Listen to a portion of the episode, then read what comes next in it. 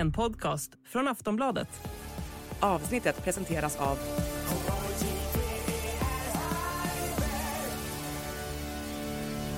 Stödlinjen.se, åldersgräns 18 år. Idag trappas strejken mot Tesla upp med fler sympatiåtgärder från andra fackförbund. Vi pratar med IF Metalls ordförande Marie Nilsson om strejken och hotet mot den svenska modellen. I dagens avsnitt av Starta pressarna, en podd från Aftonbladets ledarsida med mig, Daniel Suonen.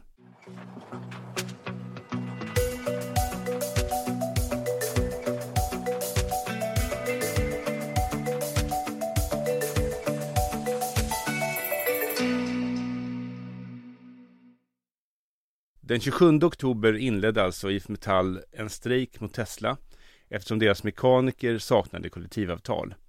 Sedan dess har flera fackförbund gått in med sympatiåtgärder. Eh, transportarbetarna blockerar Tesla i flera hamnar i Sverige så att de inte kan lasta av sina nya bilar. Seko, som sköter post eh, och järnväg, har blockerat utdelningen av post och paket till Teslas verkstäder så att de inte kan få reservdelar levererade. Och idag utvidgas strejken. Från och med idag, den 17 november, när det här spelas in, kommer Fastighetsanställdas förbund att sluta städa i Teslas lokaler och Elektrikerförbundet kommer att sluta förse Teslas anläggningar med elarbeten. Till och med Musikerförbundet har gått med och blockerar nu musik i Teslas spelare. Och för att reda ut den här strejken, eh, vad den handlar om, vad den här striden eh, gäller och varför den är så viktig, så har jag ringt upp och ringer upp nu Marie Nilsson, ordförande i IF Metall, eh, som ska berätta för mig och samtala med mig om den här strejken. Ja, välkomna då eh, till vår podd. Eh, och vi har Marie Nilsson, ordförande i IF Metall här med oss på telefon. Eh, god morgon Marie. God morgon, god morgon. Eh, första fråga, hur går strejken och vad händer nu? Berätta.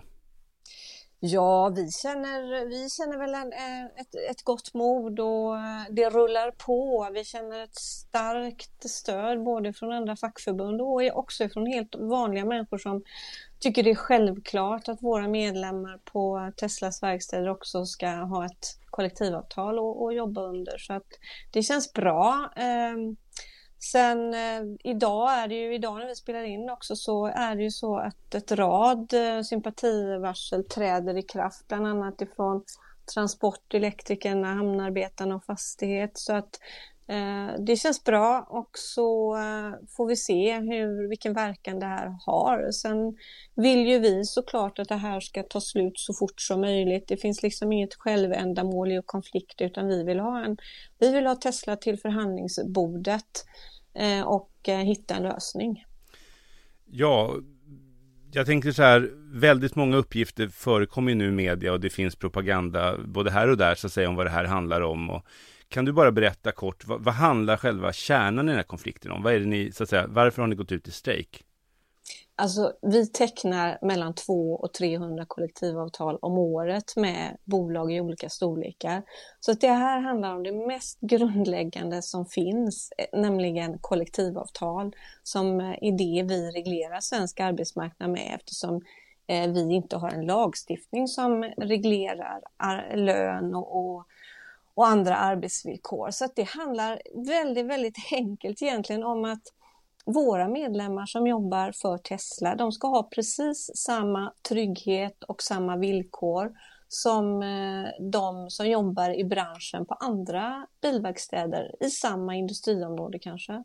Så det är det det handlar om, en trygghet för våra medlemmar, att de vet eh, vilka regler som gäller och att de inte är utlämnade åt bara arbetsgivarens goda vilja. Precis trots då den här strejken som har pågått eh, ett tag så finns det ju verkstäder och det rapporteras i media om att en del verkstäder då håller öppet som vanligt nästan. Hur kommer det sig och hur ser ni på det här så att säga, strejkbrytandet? Ja, det är ju det som är eh, oerhört eh, exceptionellt i det här fallet. Eh, när vi eh, hade haft en avslutande Eh, Eh, förhandling med eh, Tesla här i förra veckan, eh, då, då säger de att de ja, de har för avsikt att fortsätta hålla sin verksamhet igång och så. Och vi, vi talar om för dem att är ni medvetna om att det, det är faktiskt planerat strejkbryteri ni håller på med nu och ni kommer att tvinga oss att trappa upp konflikten när ni agerar på det viset. Det här eh, har vi, ja, vi har aldrig mött det här från en arbetsgivare i modern tid innan, men eh, de hävdar att det var på det här viset de tänkte eh, fortsätta eh, ja, den här konflikten och då, då finner ju vi liksom ingen annan möjlighet. Vi har, det ser lite olika ut. Vi har ju ett tiotal olika verkstäder runt om i Sverige och det ser olika ut men vi har ju Ehm, ett exempel där, det, där, där samtliga är av våra medlemmar är ute i strejk och eh, det egentligen inte skulle vara någon som skulle kunna hålla verksamheten igång. Men ändå kommer det eh, kommer det mekaniker skjutsandes i taxi och eh, är inne på verkstaden och jobbar och eh, eh är helt uppenbarligen hämtade från eh, andra, andra anläggningar och eh, även, även utomlands ifrån in, inhämtade så att säga. Mm. Så att, det här är inget annat än en strejkbryteri, någonting som vi inte upplevt förut. Nej, alltså jag satt och förberedde mig igår kväll här och läste i gamla böcker. Här, man tänker på Sundsvallsstrejken 1879 och Ådalen 31 och liksom det här, den gamla arbetsmarknaden, det här nästan förmoderna innan den svenska modellen och Saltsjöbadsavtalet, mm. att man, alltså det är liksom hård motsättning och IF Metall inte minst är ju liksom ett väldigt sansat fackförbund. Jag menar, det tar verkligen ansvar. Det är väldigt, ja, strejker förekommer inte, vi kommer in på det senare i podden, men alltså i den här debatten som pågår så hävdas ju då återkommande från borgerliga, borgerligt håll och näringslivet och så att de här verkstadsarbetarna har jättebra villkor och är jättenöjda med sina eh, arbetsvillkor. Vad säger du om det? Ja, det är ju ungefär så det brukar låta hos en arbetsgivare som inte vill teckna avtal. Nu är det så att vi vet ju att det inte stämmer. Vi har ju uppgifter ifrån alla de som vi har organiserat att deras genomsnittliga lön den ligger under motorbranschavtalets genomsnitt. Sen är det möjligt att enstaka individer har, har högre lön och så, men det är ju dessutom så att de inte har den avtalspensionen i den, i den nivån som eh, motorbranschavtalet säger. Man har inte heller någon arbets tids, eh, arbetstidsförkortning och eh, vi ser också att försäkringspaketet inte lever upp till den nivån riktigt så att vi vet att det inte är så. Eh, så att det, det, det, det där är eh, det är ungefär så det brukar låta och det är väldigt sällan det där stämmer. Och skulle det, skulle det liksom eh, mot förmodan eller skulle det på något vis vara så så är det ju ingenting som hem, hindrar arbetsgivaren från att betala mer än vad, vad avtalet säger. Det är inget som hindrar att eh, dela ut aktier till de anställda. Det, det är liksom avtalen anger en miniminivå som sämre än så här får man inte lov att ersätta eh, de anställda. Mm. Och det är också så att det här är ju det sätt vi har reglerar arbetsmarknaden i Sverige. Så att det är lite grann som att det finns ju miljölagar och skattelagar och andra regler för hur man beter sig i Sverige. Eh, mm. Och det här, här är ju en speciell ordning då, där det är självreglerat mellan parterna.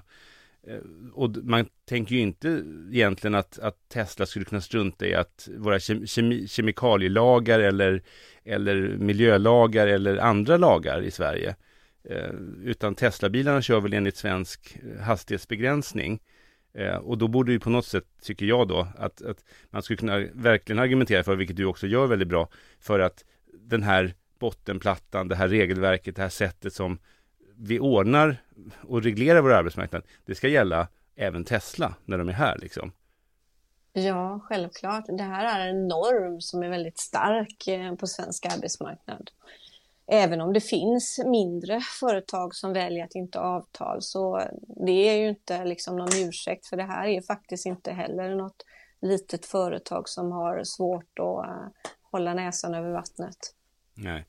Alltså nu idag, fredag, det spelas in på förmiddagen här, klockan är lite grann efter tio. Och eh, vi kommer sända idag också via Aftonbladet.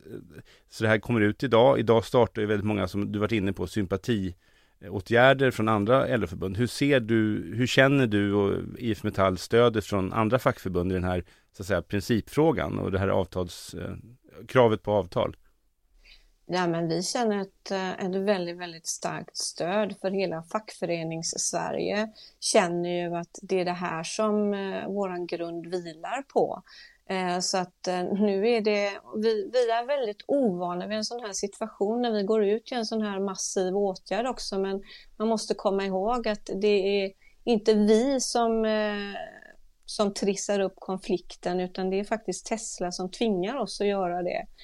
Eh, men stödet är som sagt väldigt eh, stort och sen ska man komma ihåg också att vi, vi det är inte så att eh, våra kamrater lägger varsel som är liksom lite hipp som happ för att och ska, skapa liksom någon slags allmän stor skada utan alla de här varslen som är lagda, de är lagda med precision för att det är Tesla de ska störa, ingenting annat.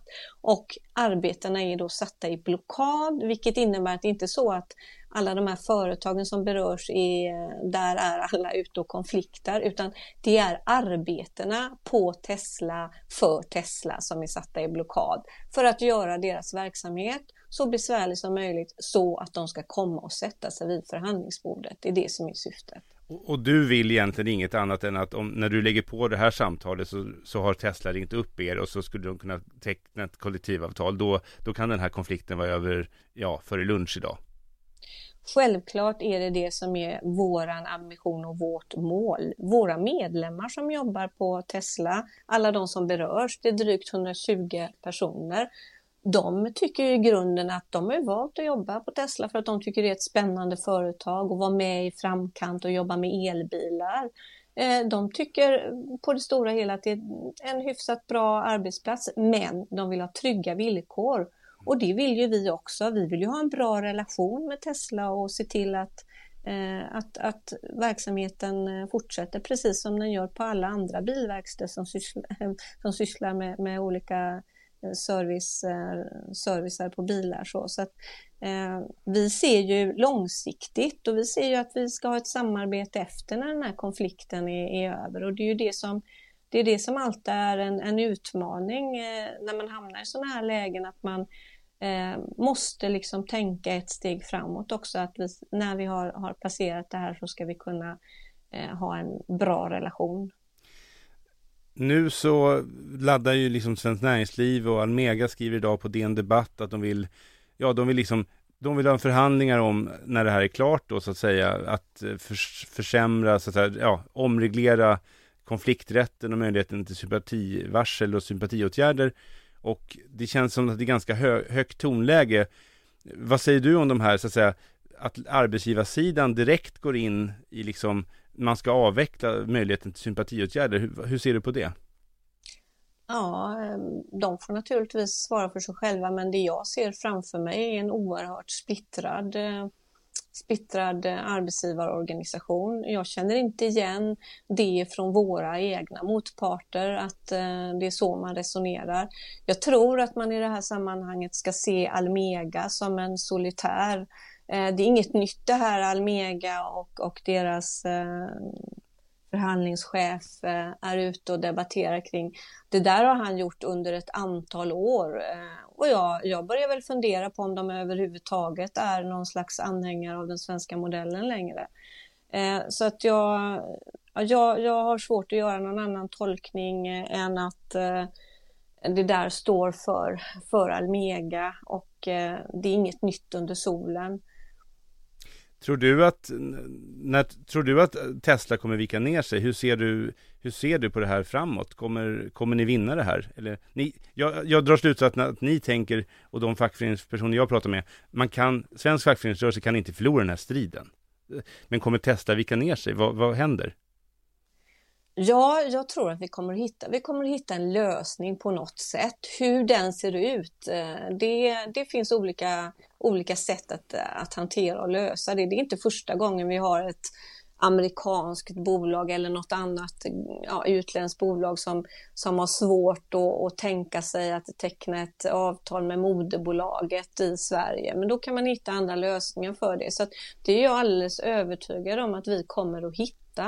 Eh, det, det är bara det att jag tror inte riktigt man har förstått på något vis hur, hur viktigt det är för oss och att vi ser på eh, eh, svenska TM Sweden också som är det svenska dotterbolaget som en, en aktör som eh, vi inte kommer att släppa. Det, är ju inte, det, här är ju, det här är ju ingen liksom, eh, fråga vi helt plötsligt har, eh, har kommit på att här, här behöver vi agera utan det är ju, vi har ju på och jobbat med den här frågan i ett antal år och vi har fler och fler som anslutit sig till IF Metall och som har ställt krav på att nu får ni faktiskt agera och se till att vår arbetsgivare tecknar avtal. Och då är ju vi, då är det ju vår plikt att göra det till slut också. Så att vi har ju inget val i det här sammanhanget och vi kommer ju inte överge våra medlemmar där heller, utan det här kommer att pågå eh, så länge det behövs. Jag tänker så här att man hör nu att det händer saker, ni får sympatiåtgärder, det finns en diskussion i så att säga, den fackliga världen i Tyskland, IG Metall, vi har bilarbetarnas eh, liksom, lyckade konflikter i USA kring löner och villkor där. Liksom, det känns som att nu talar alla i nästan hela världen, bilfack och metallfack om så att säga den här viktiga striden jag tänker ändå, du får gärna säga något om det, men jag tänkte ändå avsluta liksom om det här med den svenska modellen. För att min bild är att det här är en otroligt, jag menar, det har en historia av att vi hade otroligt hårda konflikter och så Saltsjöbadsavtalet blev liksom ett fredsavtal där man kom överens om spelreglerna. Och sen har det lett till en otroligt välfungerande ordning där facken är liksom otroligt flexibla och man har branschavtal och man eh, hittar lösningar och liksom när man måste dra ner produktionen då, då är man kreativ kring liksom att värna både företag och löntagares liksom villkor. Man är liksom en, en otroligt aktiv part och de, när jag då, inte lika ofta som du, men när jag träffar liksom industriföreträdare, då hör jag aldrig någon säga att facket är jobbigt, utan man pratar nästan lyriskt om hur bra det här fungerar och att man är liksom tacksam att man har en ordnad mm. part, en motpart mm. som är liksom vuxen, har muskler, är klok, har en hundraårig tradition. Alltså det är världens bästa ordning. Alltså, och så vill man liksom kasta ut det här. Jag tycker att, vad tänker du om det? Det här, det här hotar ju hela svenska modellen och nu handlar det om relativt sett få mekaniska äh, verkstadsarbetare på Teslas anläggningar. Men det handlar ju till slut om alla arbetare i Sverige, alla löntagares villkor, eller hur? Ja, eh, jo det, det, är ju, det är ju precis så att eh, vi har den här ordningen och då, då krävs det ju något för att upprätthålla den ordning vi har och då till, till slut hamnar man ju i ett sånt här läge och då gäller det ju att verkligen stå upp för det man tror på. Och då blir det jobbigt. Eh, vi gillar inte konflikter eh, i Sverige. Vi tycker det är jävligt jobbigt men eh, till slut har vi inget annat val. Eh, för att verkligen försvara den här ordningen som är precis eh, så som, som du beskriver den. Den är ganska världsunik och den har varit en stor konkurrensfördel för Sverige dessutom. Därför att man vet att svensk fackföreningsrörelse är ansvarsfull och inte på något vis eh, tar till eh, eh musklerna i onödan. Marie Nilsson, ordförande i IF Metall. Eh, vi har pratat om Tesla-strejken jag önskar dig och IF Metallarna och verkstadsarbetarna på Tesla all lycka till. Eh, kämpa på, ta hem det här nu. Tack så mycket. Stort tack.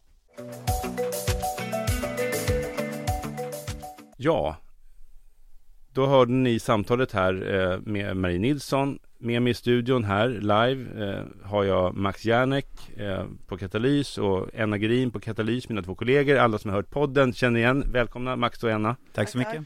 Ni hörde samtalet här med Marie Nilsson. Eh, ja, vad tänker ni om det här? Vad, vad är liksom, vad, vad, är era reflektioner om, om hennes svar och den här frågan? Vad tänker du Max? Eh, ja, eh, det, är, hon var, det är väldigt tydligt att hon inte vill gå ut i strejk, att det, det sker motvilligt och att det är någonting som som, eh, som absolut inte kommer ur det blå och eh, utan det har pågått länge en, en diskussion om att man borde göra någonting åt det här att, mm. att eh, de här mekanikerna inte har kollektivavtal och nu agerar de och framförallt det, det mest allvarliga tycker jag är att de har tagit in strejkbrytare. Mm. Alltså det är ju verkligen ett, ett normbrott som som tar oss tillbaka till tiden före Saltsjöavtalet och före 1938 att, att eh, hon sa ju det, det, det är ingenting som vi någonsin har varit med om det här. Så att det är ett oerhört stort brott och då förstår man ju att det finns ju ingen chans för IF Metall att, att förlora den här striden, det går ju inte. Enna? Nej, men, uh, jag tänker att uh, man kanske ska också gå in och uh, förklara lite vad det här handlar om, för alla kanske inte hänger med, kanske har yngre lyssnare. det är ju rätt så ovanligt med strejker i Sverige. Um, vad egentligen, vad är ett kollektivavtal? Bara grundläggande, vad skulle man ja, nej, men, det? Ja, nej, men jag tänker så här att om man ska förklara det här så tänker jag liksom att hela grundkonflikten här, så fackets idé är ju någonstans att, att de anställda, löntagare, arbetare, vilket ord man nu vill använda, de behöver ju liksom ha en, en kollektiv kraft för att kunna hävda sina intressen utan fackföreningar som det var liksom på 1800-talet och före då, ja, i, i princip då före 1900-talet, då fick ju var och en ensam ta diskussioner med arbetsgivaren. Och det här var en tid när Sverige var ett uland, människor saknade rösträtt om de var, inte hade väldigt höga inkomster eller var kvinnor.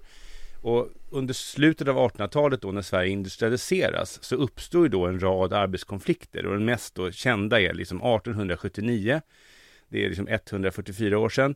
Sundsvallsstrejken där liksom enormt många då, 5 000 arbetare i en stad med 8 000 boende demonstrerar, eller strejkar då mot, mot, mot det här, mot lönesänkningar då i, i trävaruindustrin, eh, sågverksindustrin. Och till slut då så sätter militären, sätts militären inom staten och så krossas strejken och de blir liksom hotade att sättas i fängelse eh, och bli vräkta med deras familjer om de inte går med. Och sen blir liksom hela 1900-talet, för att dra en liksom lång historia kort, det blir då en, en rörelse då där, där arbetarrörelsen liksom, och fackföreningsrörelsen framförallt liksom organiserar sig. Ett otroligt mödosamt arbete alltså på arbetsplats efter arbetsplats mot de här då, alltså dåtidens Elon Musks liksom, olika patroner, herrar, direktörer mm. som har enormt starkt intresse av att ensam få bestämma om den eller den ska få jobba. Och man har den här, alltså den renaste liksom mark, alltså de som nu är så här, näringslivets, de är ju marknadsanhängare. Och om deras perspektiv på liksom hur arbetsmarknaden borde vara, det är ju liksom den klassiska Liksom att man står med mössan i hand och frågar Snälla, snälla, kan jag få jobba en timme till? Och jag tar gärna något betalt också. Det är ju det som, när man vill ha fri marknad, frihet på arbetsmarknaden, total frihet, då är det ju som det man egentligen eftersträvar. Och att vi har en helt annan situation i Sverige med liksom starka kollektivavtal och rättigheter och så vidare. Om man jobbar på ICA eller Coop så har man OB-tillägg och semesterersättning och lagar finns det på vissa nivåer och det finns liksom rätten till vilken lön man ska ha. Det är liksom beroende på fackföreningarna. Och jag skulle som ni hör kunna prata om, om det här liksom i två och en halv dag. Eh, så jag kommer göra det nu. Ni kan lägga er ner, ni behöver inte ens sätta er ner. Det är för, liksom, luta, luta, nej men jag blir liksom ganska uppeldad. För att bakom det här snacket om den svenska modellen så är det egentligen, det är liksom en avgrund av maktrelationer och egentligen ren klasskamp där handlar om. Och sen har det liksom blivit då, sen som, som Max var inne på, Saltsjöbadsavtalet 1938. Då hade liksom under 30-talet framförallt och efter den här stora depressionen så hade det blivit enorm arbetslöshet, alltså 25-30% arbetslöshet. Och då var det så att då var det lönesänkningar. Om företaget gick dåligt, då sänkte man lönerna. Och det var direktören som bestämde det. Och då var det liksom vilda strejker och protester mot det här. Och den mest kända då, motsättningen då, strejken, det är liksom Ådalen då, Röda Ådalen 1931. Där man till slut har strejkbrytare och där man sätter in armén som då dess, dessvärre då skjuter mot arbetarna. Liksom. Och det blir då på något sätt eh, året efter vinner Socialdemokraterna valet och sen efter ytterligare någon valseger för Socialdemokraterna så inser liksom arbetsgivarna att okej, okay, vi måste nog göra upp här, för det är verkligen hårda motsättningar. Och man brukar säga att Sverige hade då på 30-talet världens mest organiserade arbetarklass och världens mest stridbara arbetarklass. Så det handlar också om att facket behövde organisera, alltså när facket så att säga, när Marie Nilsson som vi hörde i intervjun här, när hon liksom så här, hon tar liksom ansvar för att inte också, det ska vara vilda strejker, att det inte ska bli folk som bara, bara slumpmässigt lägger ner arbetet. Utan det här är en ordnad process. Så det som händer då med den här ordningen vi har, svenska modellen, Saltsjöbadsavtalet, kollektivavtalsmodellen, det är att fack och arbetsgivare tillsammans liksom bestämmer villkoren. Eh, och kärnan där är liksom att facket har medlemmar och att facket är starkt. Och jag tänkte bara liksom en sån där, liksom, eh, när jag gick in på LO, liksom, att i grunden handlar det om det här liksom, idén om att fackets idé är att man lovar varandra att liksom inte sälja sitt arbete till ett lägre pris. Och, och jag, liksom på LOs då, hemsida så, så läser jag så här, man kallar det för löftet, det fackliga löftet. Vi lovar och försäkrar att aldrig någonsin under några omständigheter arbeta på sämre villkor eller till sämre eller lägre lön än det vi nu lovar varandra. Vi lovar varandra detta i den djupa insikten om att om vi alla håller detta löfte så måste arbetsgivaren uppfylla våra krav. Och det där, om man håller det här löftet, om man organiserar sig i facket, om man så att säga, och till slut då tecknar kollektivavtal, då ger det här löntagare en makt de annars inte har. Och det här hatar naturligtvis arbetsgivare, har alltid gjort, kommer alltid göra. Och det var grunden 1878 i Sundsvall och det är grunden i Tesla-konflikten idag. Liksom helt enkelt, ska arbetaren stå ensam med mössan i hand eller ska man tillsammans tillkämpa sig, balansera maktrelationen? Ja, och jag tänker också en, en konstig grej med de som nu liksom attackerar eh, facken och ifrågasätter det här helt rimliga kravet på att Tesla ska eh, eh, liksom teckna ett kollektivavtal. Det är ju ett kollektiv, vad vill de ha liksom istället? För att det, vi, det är kollektivavtal så som de är uppbyggda det är ju istället för hård lagstiftning. Så i, Eh, i Sverige skulle vi kunna ha som i andra länder att man istället lagstiftar om villkor. Eh, och de är väldigt fyrkantiga. De är inte anpassade till bransch, olika branscher eller olika behov i olika eh, sektorer eller på olika företag, stora och små och så vidare. Eh, så du kan ju liksom lagstifta en minimilön och så måste alla följa den även om den kanske inte alls passar eh, det här, den branschen. Eh, Medan kollektivavtal, de är ju otroligt liksom flexibla. Eh, de är ju skräddarsydda eh, i princip. Eh, ehm, de är eh, på ett sätt man tänker att det är något kollektivt och det är det, men det är också väldigt individualiserat i, det, i den bemärkelsen att de är helt anpassade efter varje bransch.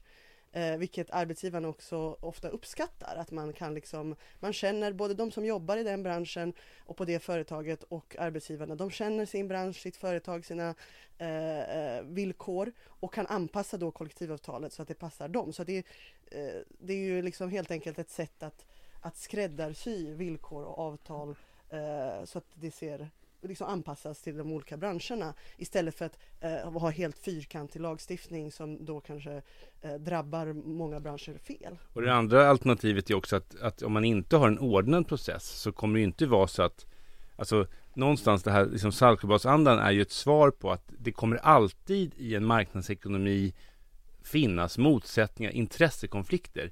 Arbetsgivaren har rätt att ha sitt intresse av att tjäna pengar och driva sitt företag och investera. Och arbetar, arbetarna, löntagarna, har rätten att kräva goda villkor, sin del av kakan. Och liksom det där måste alltid fortgå om vi inte lever i en så att säga, diktatur på något sätt. Liksom, det finns ju till vänster och höger kommuniststater och fasciststater som har liksom försökt upplösa det där genom att liksom kontrollera facket eller förbjuda facket. Mm. Men i demokratier så är det här en del av villkoret. Och alternativet är ju inte att det aldrig sker konflikter, utan det är att det blir vilda konflikter. Jag tror att de här, fack, de här arbetsgivarna som nu bråkar, Almega då på DN Debatt och Svenskt Näringsliv, mm. de, vill liksom, de hotar med att regeringen, den här högermajoriteten, ska liksom ändra lagarna nu om inte facket går med på att bli av med sina möjligheter. Jag tycker verkligen facket ska tagga upp här och inte vika ner sig en tum utan liksom verkligen ta den här striden.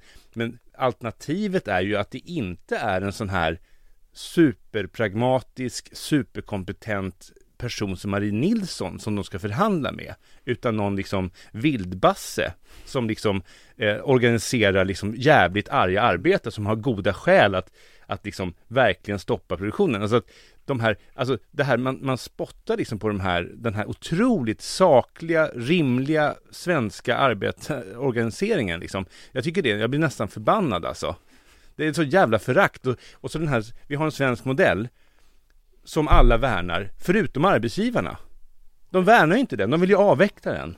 Fast samtidigt, det är det som jag tycker är så konstigt eh, just med, med de här kampanjerna nu och de här attackerna mot facket och oftast är det ju från då näringslivsfinansierade tankesmedjor eller högerdebattörer som, som de här attackerna kommer. Det är just det att egentligen om man tittar på Tesla eh, konflikten så är det ju inte bara facken som vill att de ska teckna kollektivavtal, utan det vill också arbetsgivarna. Alltså Mm. Svenskt Näringsliv, eh, Svenskt Näringsliv vill också att Tesla eh, eh, konkurrerar på lika villkor som de andra medlemsföretagen och ko- tecknar kollektivavtal. Så att eh, du har i det här fallet egentligen så, så är det svenska löntagare och svenska arbetsgivare som officiellt vi, Mm. tycker och vill och vill att eh, Tesla sätter sig vid bordet och börjar förhandla och teckna kollektivavtalen. Och för det andra, när de liksom helt hysteriskt nu eh, går, går på sympatiåtgärderna och vill begränsa strejkrätten, eh, alltså de här högerdebattörerna,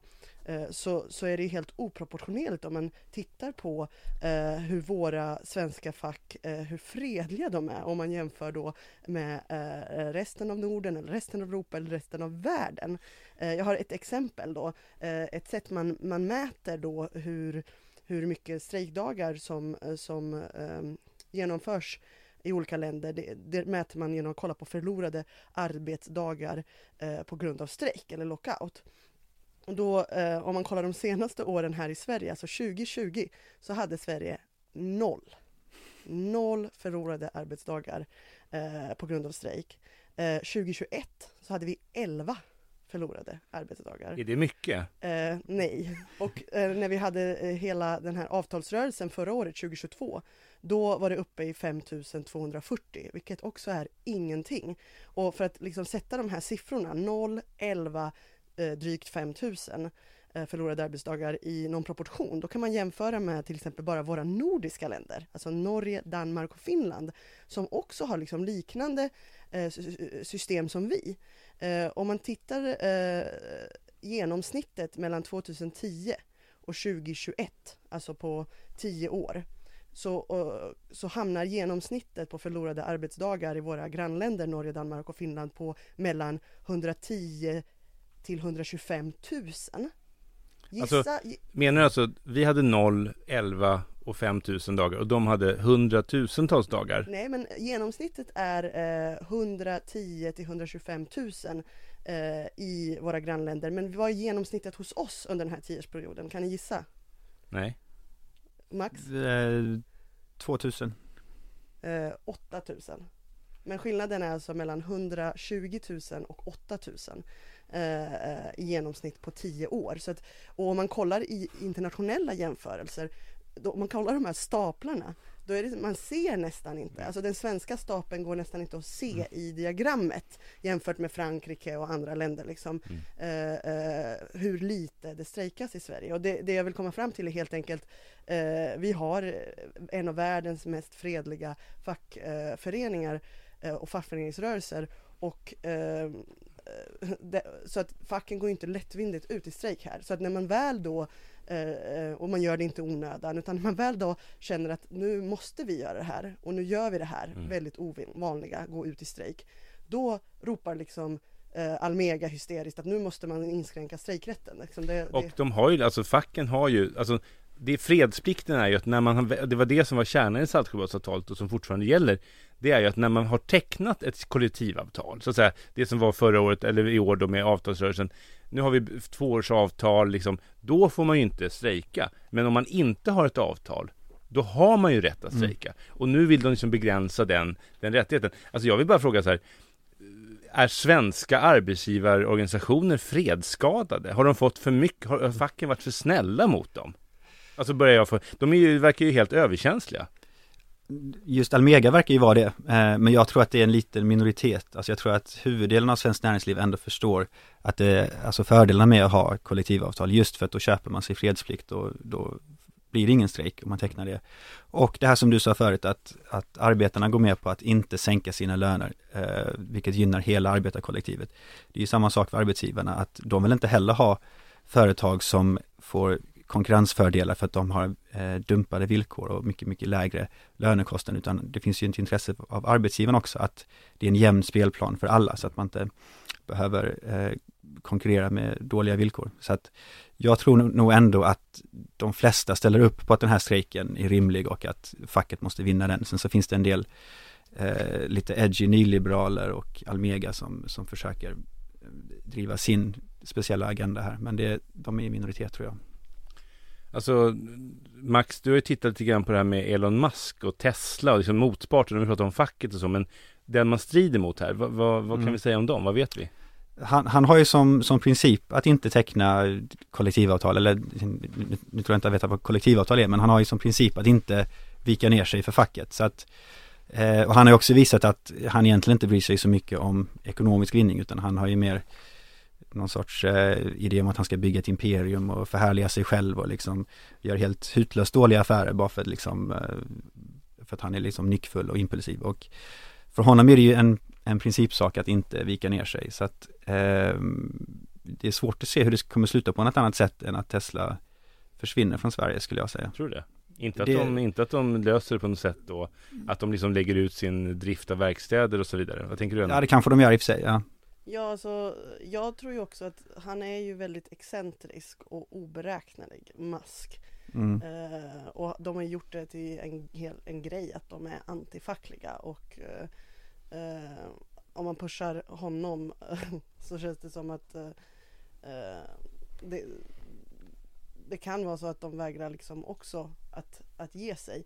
Men det finns då eh, andra lösningar som du nämnde Daniel, att de, de kan hitta lösningar där, eh, där både teknikerna får kollektivavtal och eh, självaste arbetsgivaren Tesla eh, ser till att eh, ha ett underavtal med någon som har kollektivavtal. Så att de själva inte behöver eh, skriva kollektivavtal. På det här sättet så kan de fortsätta hävda att vi har inte kollektivavtal någonstans i hela världen som arbetsgivare, alltså Tesla, eh, men att eh, deras bilar då servas eh, Eh, med ett underavtal eh, med någon arbetsgivare som har kollektivavtal så de här teknikerna då, eh, bilmekanikerna kan, kan få ett kollektivavtal. Så det finns ju sätt där de båda kan se ut som att ja, de, har, de har stått pall, om man ska säga, i den här konflikten och, och, och, och om inte då Tesla vill, vill verkligen vill någonstans, någonstans i världen eh, gå med på att teckna ett kollektivavtal. Alltså jag tänkte det här, Elon Musk, alltså, det här liksom, det blir ju en strid mot, mellan sunt förnuft, typ alla människor i Sverige och arbetsgivare och fack och löntagare och ett antal nyliberala demagoger. Och, och då, blir- för dem blir ju Elon Musk då, han är den ensamma geniet som har liksom uppfunnit Tesla och han har klarat sig på marknadens villkor. Vad säger du om det Max? Du har liksom tittat lite på det där. Han är, han är ju en eh, intressant karaktär. Alltså han är ju verkligen den här definitionen av en entreprenör enligt liksom Schumpeter. där. Att han eh, har ju sån här viljan till makt och att han är hänsynslös och han, eh, han har en vision som han inte viker från och som han eh, förmedlar till andra och liksom bygger upp nästan en personkult kring sig själv eh, och förmedlar liksom den här visionen om att han ska bygga det här nya företaget.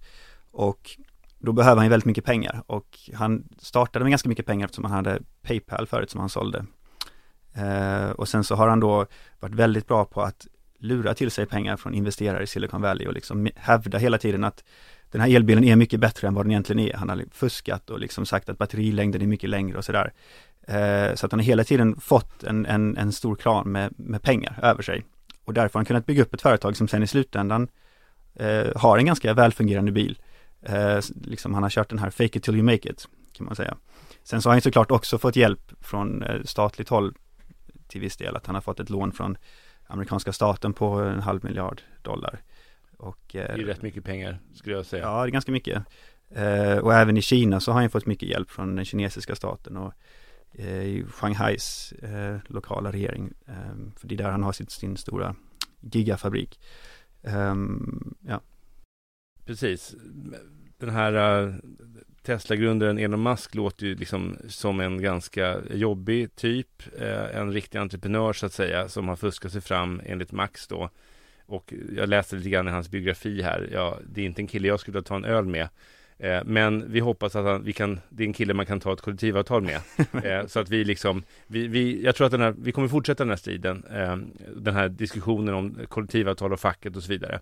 Men vi fick faktiskt en, en väldigt bra, vi har fått fler frågor, men vi fick en väldigt bra liksom, lyssnarfråga förra veckan. Max, vill du ta den lyssnarfrågan? ja, det var någon som hade eh, frågat apropå vårt senaste avsnitt om oligopol och monopol. Om, om det fanns någon bra bok man, som man, vi kunde rekommendera. Ja, det var Eh. Hugo Åkerstrand som skrev så här. I det senaste avsnittet talar ni mycket om oligopol och monopol i Sverige. tycker ämnet är mycket intressant och önskar läsa mer om det. Har ni någon bok som ni kan rekommendera? Och det var liksom frågan. Ja, eh, just om Sverige vet jag inte, men eh, när det gäller oligopol i allmänhet så finns det en bok som jag tror är väldigt bra. Jag har inte läst den själv, men jag har hört en intervju med författaren eh, David Dayen som har skrivit en bok som heter Monopolized från 2020 som berättar just om hur det ser ut i USA med monopol med Amazon och stora företag som helt och hållet har monopoliserat olika sektorer, till exempel eh, ersättning, eh, mjölkersättning för spädbarn. Och att det är en sån, sån industri där det bara är ett företag som dominerar totalt och om det uppstår ett, ett problem på deras anläggning så blir hela USA utan, utan eh, mjölkersättning, vilket hände då under, under pandemin. Eh, så det tror jag är en, eh, en väldigt läsvärd bok, Monopolized av David Dayen. Man kan även titta på lite äldre eh, litteratur om det här. Det är ju ett, det är ett ganska så klassiskt ämne. Eh, det finns en bok från 1978 som heter The Megacorp and Oligopoly av eh, Alfred Eichner heter han. Som är, den är lite mer teknisk, kanske ingenting som man som lekman vill läsa hela boken, men den känns väldigt aktuell just nu när vi diskuterar oligopol och inflation, för han fokusera på hur oligopol sätter priser, att de, till skillnad från vad som ofta framställs i, i nationalekonomiska modeller så, så är det inte så att företagen tar priser från marknaden och tvingas sätta ett visst pris beroende på efterfrågan och utbud, utan att det är företagen i sig som sätter priset. De är prissättare. Eh, de administrerar priser till marknaden och har man stora oligopol så, så bestämmer de vilket pris det ska vara och de gör det för lång tid framöver för att de vill finansiera sina investeringar och är ganska okänsliga för eh, efterfrågan och utbud. Eh, så det är också en, en väldigt bra bok. Sen så kan man ju också läsa Schumpeters kapitel om eh, kreativ förstörelse i, i kapitalism, socialism och demokrati som har en mer positiv syn på oligopol. Han ser det som en förutsättning för att man ska ha teknisk utveckling så behöver företag ha ganska stort svängrum och ganska stor marknadsmakt. Ehm, den riktiga klassen är ju, är ju Joan Robinsons The Economics of Imperfect Competition från 1933 som eh, även tar upp eh, inte bara oligopol, alltså när man har en ensam säljare på marknaden, utan monopsoni, som är en term som hon eh, myntar, eh, som är att man bara har en enda köpare på marknaden. Och det är ju väldigt relevant för arbetsmarknaden, att man bara har en köpare som kan sätta villkoren och eftersom man har stora företag som har stor marknadsmakt eh, så behöver man också ha stora fackföreningar som organiserar sig så att det blir någon sorts jämn spelplan. Det är väl en slutsats från den boken. Väldigt bra svar. Eh, liksom, eh, jag ska läsa på de där böckerna själv. Eh, jag tänker så här, vi vill ha fler läsarfrågor. Tack Hugo Åkerstrand för den frågan. Har ni synpunkter på programmet som vi sänder, vad vi ska prata om, något ni inte har förstått? Hör av er och ni mejlar då in precis som vanligt på startapressarna katalys.org startapressarna katalys.org Alla får svar om man är trevlig och eh, gärna en konkret fråga eh, kring vad vi ska prata om eller så. Eh, du har lyssnat på fjärde avsnittet av Starta pressarna, en podd om ekonomi och politik med mig Daniel Suonen. Idag har vi närgranskat och talat om facket och Tesla-konflikten. Vi hade en intervju eh, och tack till Marie Nilsson, IF Metalls ordförande och tack också till Anna Green och Max Järnek här, mina kompisar och kollegor på Katalys. Och jag tror vi får anledning att återkomma till Tesla och den här konflikten. Det är en strid som är mycket viktig. Eh, låt mig avsluta med att citera lite grann om facket, eh, lite grann till den här instuderingen. Eh, jag satt igår och bläddrade i Musikanternas uttåg av P.O. Enquist, en bok som jag tycker alla borde läsa, om vad det här egentligen handlar om. Och han skriver så här i sin bok. En syförening tolererades av arbetsgivarna. Det var LO-anslutningen som gjorde den farlig. Det var kring organisationsfrågan striden stod. Det var kampen mot det starka facket som var det viktiga. Kampen mot den centralt organiserade och centralt styrda fackföreningsrörelsen. Den strid som då och senare iklädde sig en så skön och frihetlig retorik. Med tusen munnar talade fienden om den fria arbetarens rätt att göra vad han ville fritt svälta ihjäl, stå fri mot sina egna diktatoriska ledare, ha rätt att arbeta under arbetsnedläggelse, fritt vara ensam i kampen, slippa centralstyrning, slippa organisatoriska band. Och allt detta skulle långt senare leva kvar, fast förädlat och polerat, kultiverat och upphöjt, men med, den urskiljbara, men med urskiljbara rötter, rädslan för det starka facket. Tack, och glöm inte att ekonomi alltid är politik, inget annat.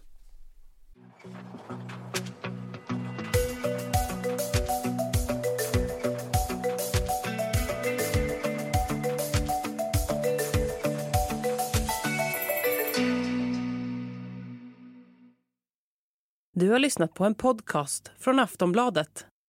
Ansvarig utgivare är Lena K Samuelsson.